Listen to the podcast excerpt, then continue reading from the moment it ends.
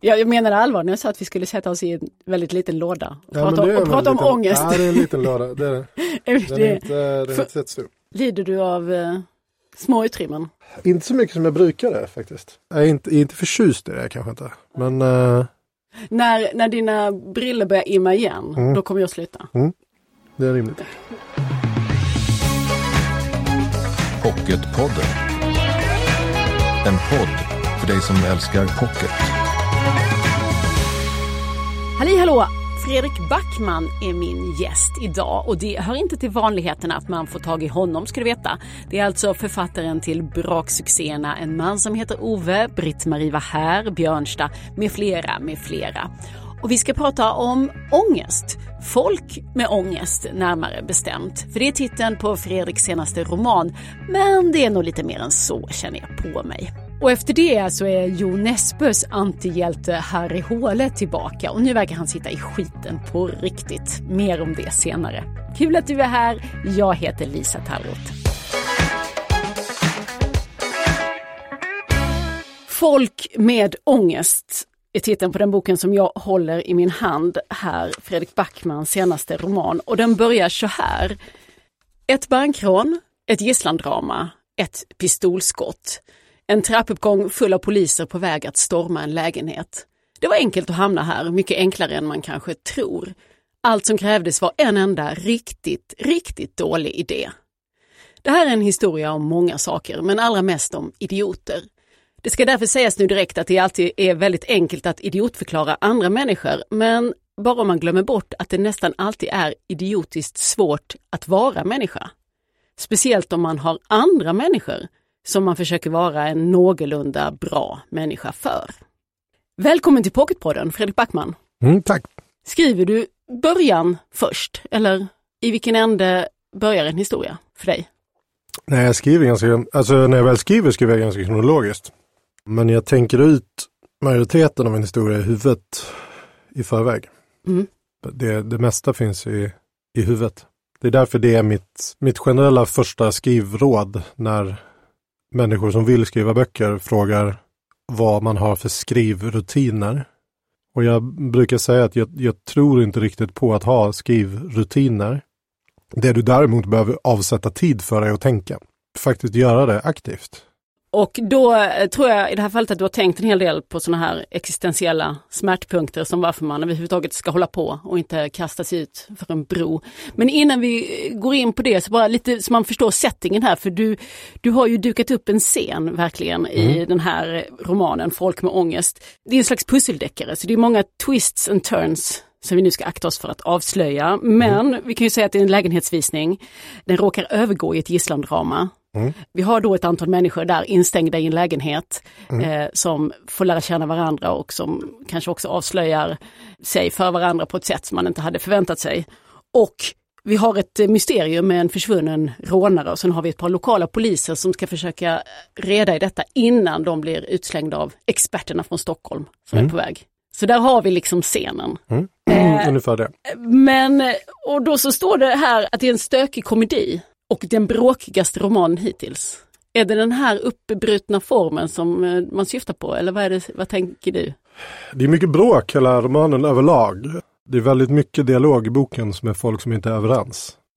Ambitionen med den var ju att hela tiden att hela tiden göra läsaren irriterad för att du inte riktigt vet vad vi håller på med här. Exakt detta hände Mm. med den här läsaren. Om man nu ska ta det från, alltså, vad är frågan? Jo, var började den här berättelsen? Vilka Äh. tankar var det som låg bakom? Eh, att jag hade skrivit Björnstad och vi mot er.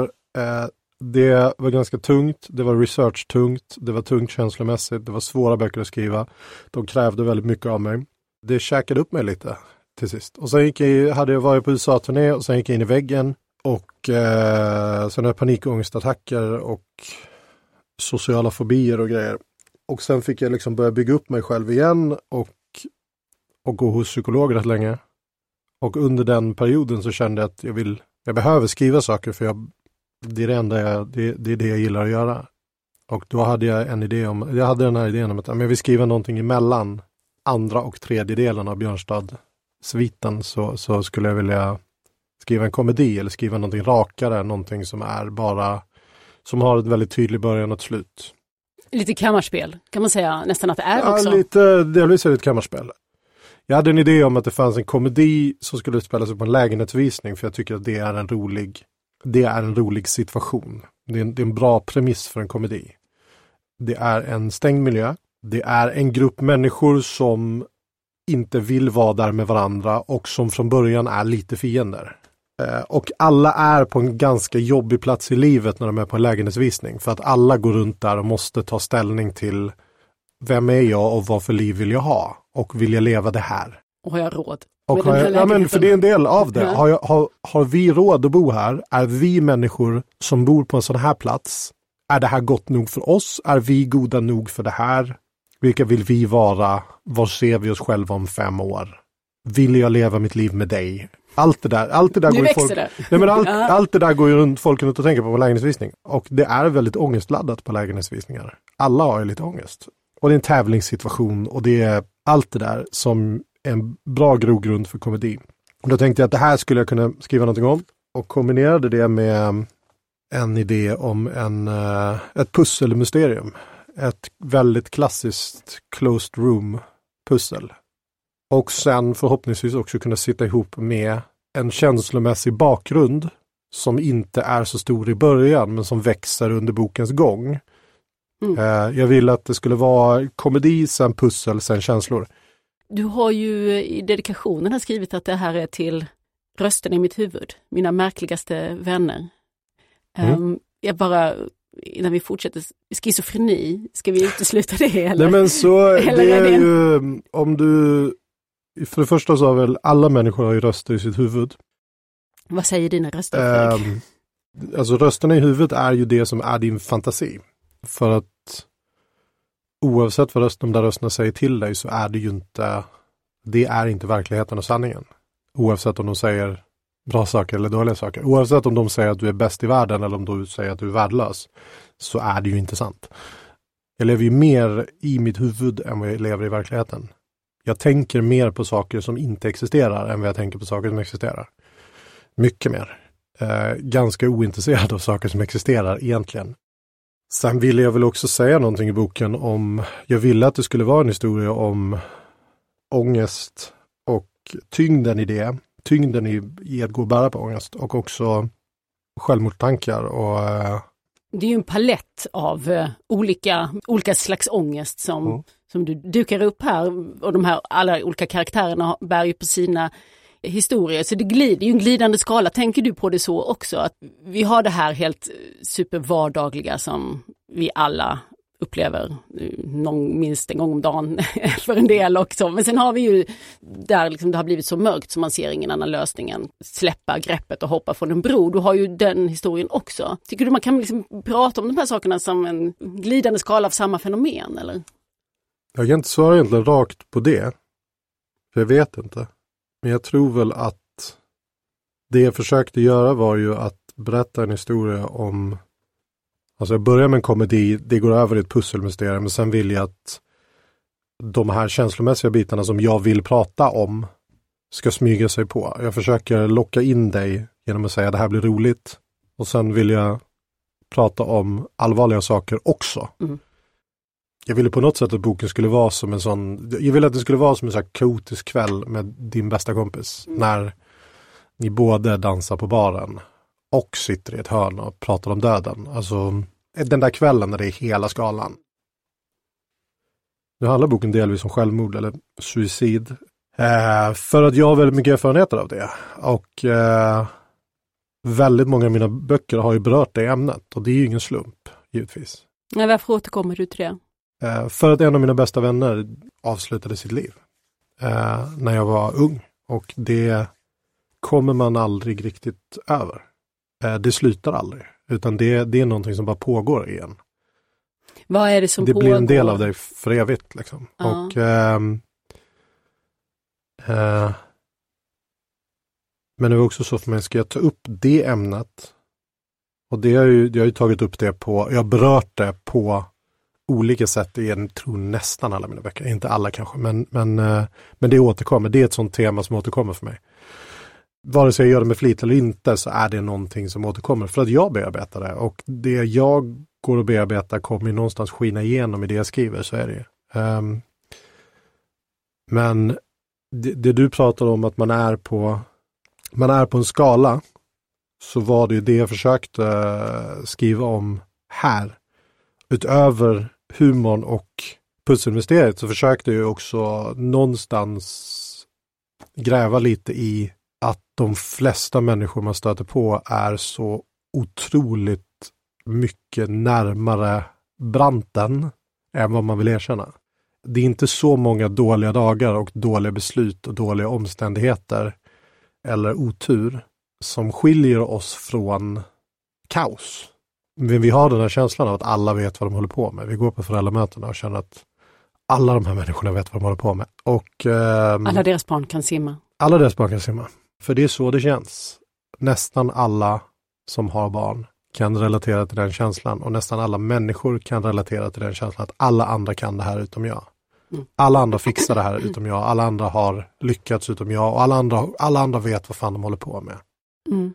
Bär du själv bär du på någon känsla att, när, att du när som helst kan det braka igenom? Det är en tunn is man är ute och går på. Men det är jag hela tiden. Mm. Jag tror att du blir en väldigt dålig författare om du inte går och bär på den känslan.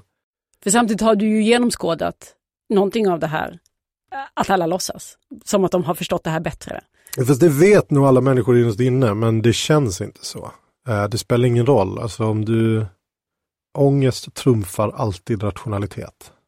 Det spelar ingen roll att du vet vad som är, alltså i så fall så skulle ju ingen människa behöva mer än en timme i terapi.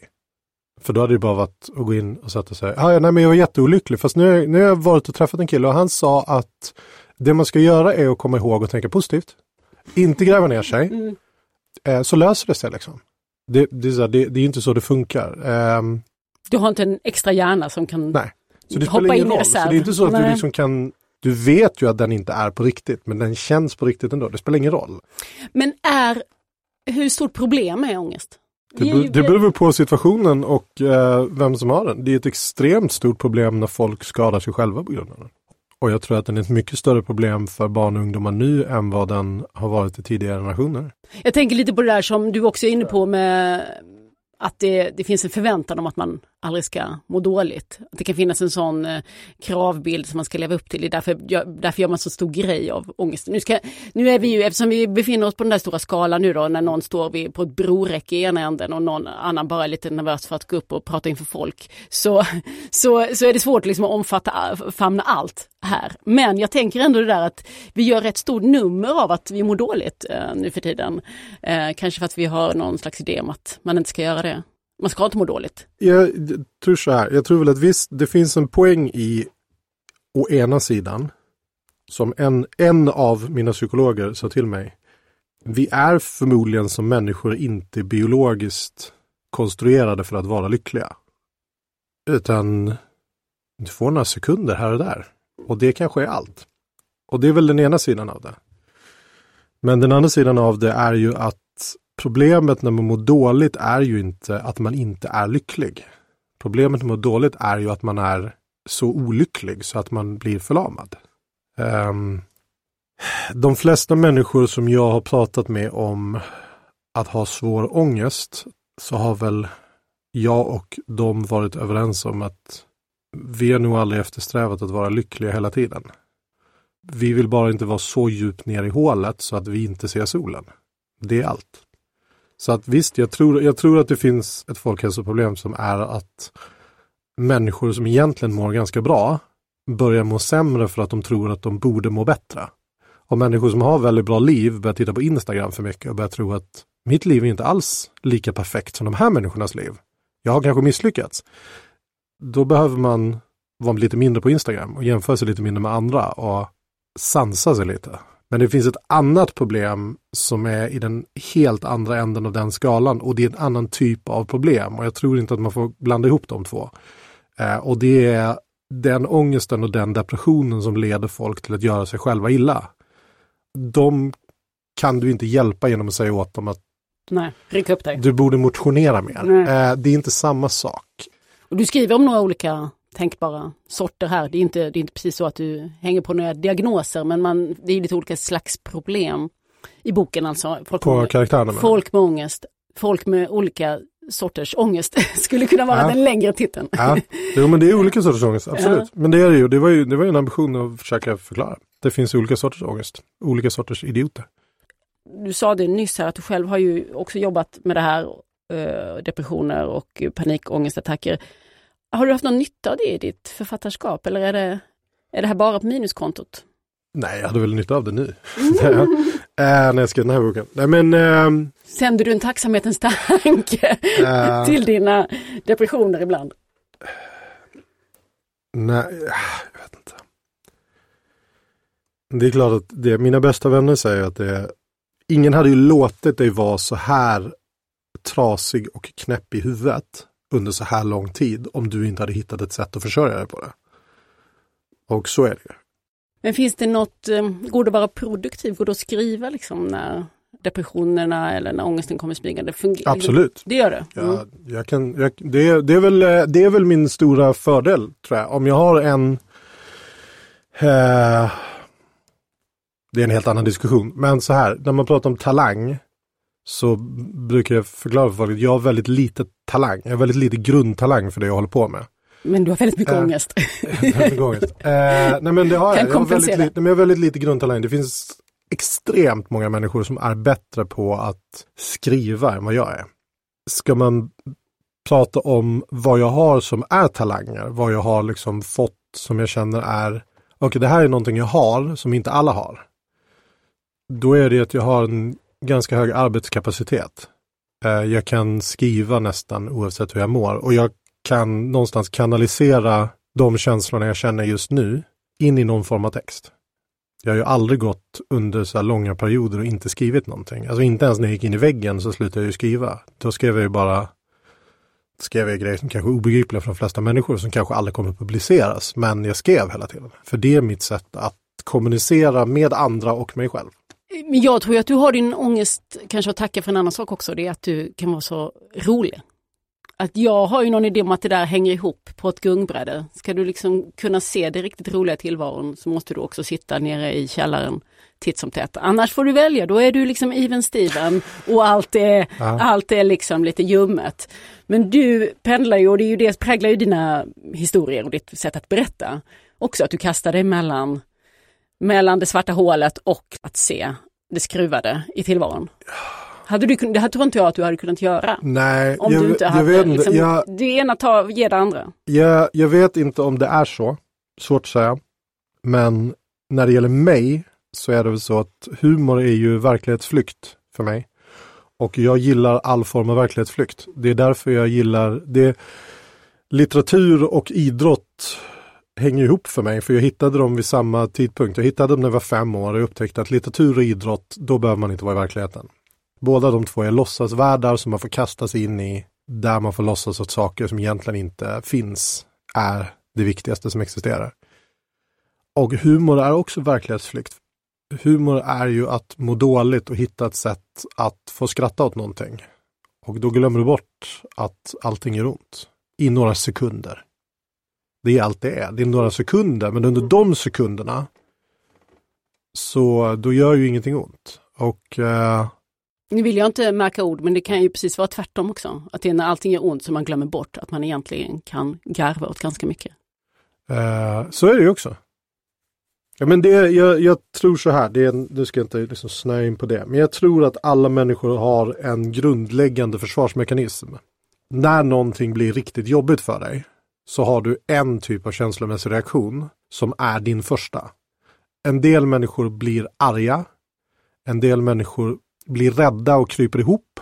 En del människor försöker genast börja rationalisera.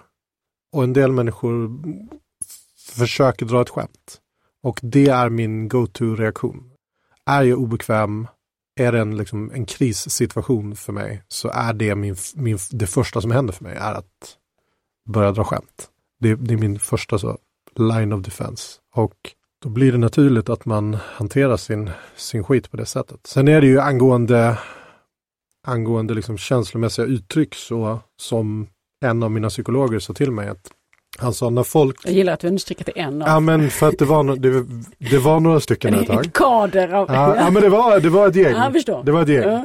Eh, Men jag hade en som var En i excep- teamet. jag hade en som var exceptionellt värdefull för mig. Som är specialist på panikångest.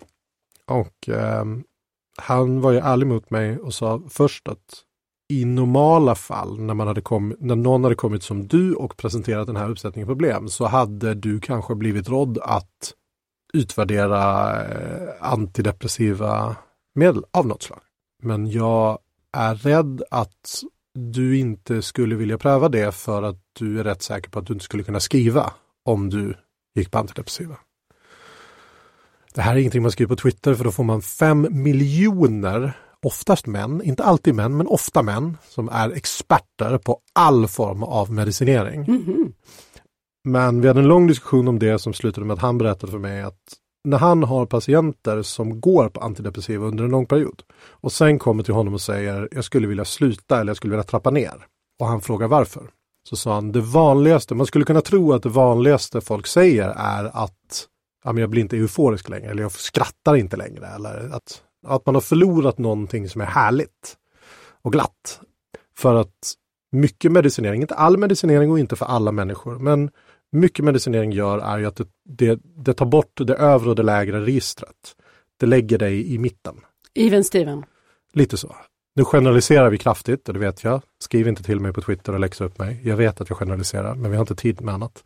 Men det folk kommer till honom och säger, han sa det vanligaste anledningen är att folk kommer till mig och säger jag skulle vilja trappa ner på medicineringen för jag kan inte gråta längre. Jag saknar att gråta. Eh, och, eh, och jag kunde relatera väldigt starkt till det. Att har man väldigt våldsamma svängningar i sitt känsloregister som jag har och som många människor har så eh, vill du oftast inte bli av med det lägre registret. Du vill bara inte att hålet ska bli för djupt. Du ehm, eh, tycker ju om alla dina karaktärer, verkar det som. Mm. Sen kan de göra dumma saker. Men jag kanske älskar du dem lite väl mycket. Har du funderat på det? Det gör jag kanske. Jag vet inte. Är på väg in i litteraturkritik här så hör jag. Jag bara funderar på, man känner ju ofta det att det liksom, du knuffar upp dem mot branten och där är stupet. Men det är sällan du knuffar ner dem. Du har liksom ändå en hoppfullhet. Det är väl det är en och annan som åker över branten också. Så är det ju. Beror på var man är på väg någonstans med berättelsen. Men generellt så försöker jag väl med det jag har lärt mig på sex romaner och tre noveller är väl att en karaktär är ingenting värd för mig i en berättelse. När karaktären blir en riktig person för mig, då är det någonting. Jag måste känna att om någon snackar skit om den här personen så kommer jag bli personligt Förolämpad. förolämpad och eh, känslomässig. Och så är det. Jag, eh, jag har fått min beskärda del av dåliga recensioner. Och jag tar väldigt, väldigt sällan illa vid mig. Om det handlar om mig, för det kan jag ta. Och om det handlar om historien, och för det kan jag också ta. Men jag kan bli förbannad om det är någon som pratar om en karaktär, alltså om det är någon som pratar om en karaktär i egenskap av karaktär. Och för mig är det en riktig person. Och jag känner att du har missuppfattat den här personen. Du har inte lyssnat på den här personen. Du har inte försökt förstå den här personen. Och är det riktiga personer för den som skriver så vill man ju då vill man förklara deras motiv. Även när de gör onda saker så vill man förklara deras motiv. Man vill förklara hur de hamnade här. Och det är inte samma sak som att försvara dem eller rättfärdiga deras handlande. Det handlar om att förstå deras motiv. Eh, skurkar är ju oftast mycket läskigare om du förstår deras motiv. Och allra läskigast är ju om de gör horribla saker. Men du förstår varför. Du förstår hur det ena ledde till det andra som ledde till det tredje. Då blir det läskigt på riktigt för då har du rört någonting i dig själv. Och eh, det är väl det jag letar efter på alla nivåer med mina Ja, och det leder, leder det Men då inte ofta fram till liksom ändå något hoppfullt? Ett durackord? Det finns nog alltid ett dyrackord för mig, men det är ju för att det är det beror ju på vad du vill att personen i fråga ska känna när de har slutat läsa boken. Vilken känsla Den, du? den, den känslan är den känslan jag är ute efter. Det går inte alltid att sätta ord på den känslan. Och Går det det- att sätta ord både Nej, men det är inte i- alltid när jag det gäller vill heller. Och folkmångest? det är Nej, inte alltid eh, ambitionen med den här boken är att du ska slå igen den och vilja prata om den med någon. Det är den känslan jag kanske vill att du ska ha. Och finns det en större känsla än det så är det ju att slå igen boken och känna dig aningen, aningen mindre ensam. Just precis där och då. Och den känslan kanske bara håller i sig sju sekunder. Men det är ju som ett garv. Liksom. Det håller också bara i sig sju sekunder. Men det är något under de där sju sekunderna.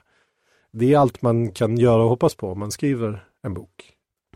och sen får man en del, hel del underbara formuleringar också som man kan gå och suga på. Det var en jag måste bara, det jag måste dela med mig av. Du har ju massa sådana. Jag skrev upp den här. Alla kan odla myten om sig själva om de har tillräckligt mycket gödsel. Så om gräset verkar grönare på andra sidan staketet beror det förmodligen på att det är fullt av skit. Mm. Den kan man brodera och sätta på väggen. Det är väldigt, väldigt brittiskt sätt att formulera sig tror jag. Det avslöjar nog väldigt mycket vad, jag, vad min influens kommer ifrån. Men det är, väldigt, det, det, det, är, eh, det är en formuleringshumor som jag är väldigt förtjust i. Och den räcker längre än sju sekunder efter att man har slagit igen boken. Det får vi hoppas. Kan jag lova dig. Mm. Tusen tack Fredrik Backman för att du tack kom hit till Pocketpodden. Tack snälla. Nu börjar glasögonen ja, nästan glasögonen imma igen ja. och då lovade jag att vi skulle sluta. Pocketpodden. Det måste ju vara så att i USA, där han också finns, heter han Harry Hole. Men här i Sverige så säger vi Harry Håle. Precis. Det handlar om hjälten, antihjälten i Jo Nesbøs thrillersvit som nu har kommit till del 12. Kniv är titeln och Anneli Eriksson, du är redaktör på Bonnierförlagen. Var befinner vi oss nu? Ja, boken Kniv som alltså är den tolfte boken i serien om Harry Hole som är utredare på eh, polisen i Oslo. Och eh, han vaknar upp bakfull med händerna nedblodade och han minns ingenting från eh, gårdagen. Det låter som att det har gått rejält åt helvete. Det har verkligen gått åt helvete. och vi får inte riktigt bakgrunden till varför det är så utan vi kastas direkt in i berättelsen. Och det är verkligen ett driv i den här boken. Eh, och sen finns det också en parallellhistoria som är mer en kriminalhistoria och det är ett gammalt fall som väcks till liv igen. Och det här händer då parallellt och snart så får också Harry Hole ett samtal från polisen om att något har hänt Rakel. Och sen vill jag inte spoila mer av berättelsen, Nej. men jag kan säga det att det blir extremt personligt för Harry Hole. Um, det skapar verkligen en nerv i berättelsen och det är ofta man sitter, eller jag sitter som läsare med gråten i halsen faktiskt, för att det är så otroligt, uh, det är sorgligt. Jon Nesbø, det är ju många som väntar på hans, eh, liksom, när han ska komma med något nytt. Han har läsare över hela världen, är väl en av liksom, affischpojkarna för Nordic Crime, ja. man säga, denna norska författare. Och driv har jag förstått att det är, och berörande. Vad, mm. vad kan man annars säga, vad är hans liksom, styrkor som thrillerförfattare? Jag tycker att hans stora styrka är porträtten, hans personporträtt. Eh, och särskilt då Harry Hole som man får följa väldigt nära. Eh, I den här boken så känner man verkligen hans smärta och han blir bara mer och mer självdestruktiv i det här drickandet och försöker liksom förstöra för sig själv, eh, straffa sig själv kan man säga. Och det väcker ju också en del frågor om moral och skuld tycker jag också, att han vill ju också gärna eh, hämnas och är det rätt eller fel? Jag tycker att han, Nesbø väcker de här lite större frågorna också mm. som kan komma upp i kriminalhistorier. Och eh, Kniv heter den vi pratar om nu. Det är Jo Nesbøs senaste eh, thriller i den här Harry Håle-serien. Tack så mycket Anneli Eriksson för Tack. att du kom hit. Nästa vecka kommer Katrine Engberg hit. Hon är danska, hon är dansare och hon är deckarförfattare. Och jag ska till dess läsa hennes aktuella roman Krokodilväktaren den har i alla fall en grej jag vet jag gillar. Den utspelar sig i byn i Köpenhamn. Tills dess, följ oss gärna i sociala medier. Där heter vi Älska Pocket. Och jag heter Lisa Tallroth. Hej då! Du har lyssnat på Pocketpodden. En podd från Bonnierförlagen.